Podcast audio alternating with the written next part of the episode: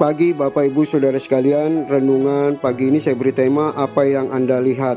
Yosua 14 ayat 12 berkata Oleh sebab itu berikanlah kepadaku pegunungan yang dijanjikan Tuhan pada waktu itu. Sebab engkau sendiri mendengar pada waktu itu bahwa di sana ada orang enak dengan kota-kota yang besar dan berkubu. Mungkin Tuhan menyertai aku sehingga aku menghalau mereka seperti yang difirmankan Tuhan. Bapak Ibu Saudara sekalian, menurut Anda apa yang membedakan seorang amatir dengan seorang profesional? Tentunya adalah di bidang skill atau kemampuannya. Kalau seorang amatir, skillnya itu baru belajar kemarin sore, sedangkan seorang profesional, mereka sudah belajar bertahun-tahun kemampuan yang didapatnya. Contoh, soal fotografer waktu mengambil gambar yang ada di sebuah pantai. Si profesional membidik ranting kering sebagai objek utamanya, sedangkan si amatir dia membidik sesuatu yang sangat umum yang bisa dilihat oleh semua orang.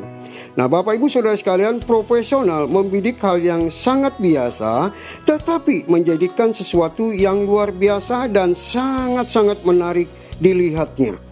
Beda Bapak Ibu Saudara dengan si amatir. Tidak ada sesuatu yang menarik dari hasil bidikannya hanya sifatnya biasa yang dilihat oleh semua orang.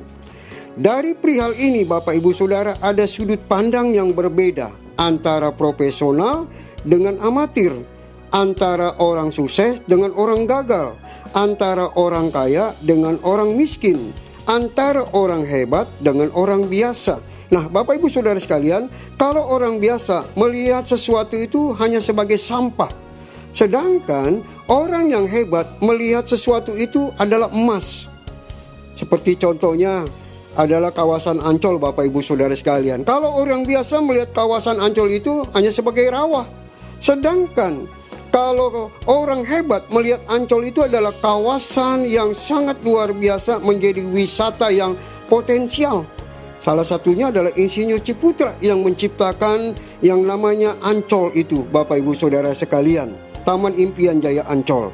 Nah, Bapak Ibu Saudara sekalian, entertainment tidak akan melihat hal yang besarnya tantangan, tetapi dia melihat besarnya peluang sehingga sebuah harapan bisa diwujudkan apa yang diinginkannya. Nah, Bapak Ibu Saudara sekalian, Yosua pasal 14 yang tadi kita baca Bapak Ibu Saudara itu menceritakan bangsa Israel telah merebut kota Kanaan yang di mana ada Imam Eleazar dan Yosua yang sedang membuang undi untuk membagi tanah kanan itu. Nah, Bapak Ibu Saudara sekalian, dari seluruh bangsa Israel tidak ada yang satupun mau melirik tanah Hebron sebagai kota yang diduduki oleh orang Araba. Bapak Ibu Saudara, penduduknya itu benar-benar adalah penduduk yang besar-besar seperti raksasa yang ada di, di kota Kanaan itu. Nah, Bapak Ibu Saudara sekalian, bahwa melihat Ancaman yang sangat luar biasa yang menakutkan sehingga bangsa Israel tidak mau memiliki tanah Hebron itu. Hanya satu yang mau memiliki tanah Hebron itu. Siapa itu Bapak Ibu Saudara? Yaitu Kaleb.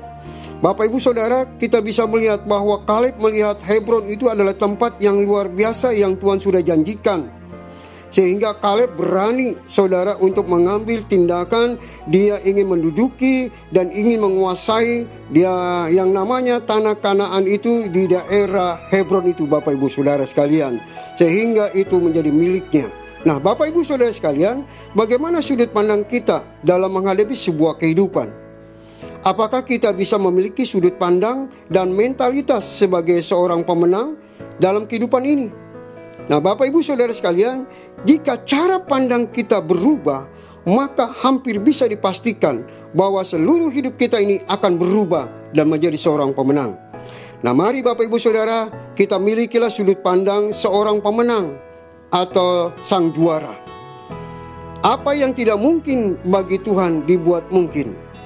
Jadi mari kita milikilah sudut pandang yang benar di hadapan Tuhan sehingga kita bisa melihat ada peluang-peluang yang akan membuat kita menjadi orang yang berhasil dan menjadi seorang pemenang.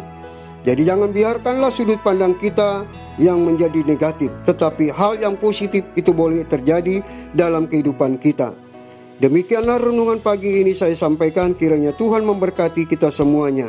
Bapa dalam surga, Engkau memberkati Tuhan seluruh pendengar yang saat ini Tuhan sedang mendengarkan renungan ini. Mereka, mereka boleh diberkati dengan apa yang hamba sampaikan Tuhan. Mereka boleh memiliki sudut pandang yang benar di hadapan Tuhan. Dalam nama Yesus, haleluya, amin.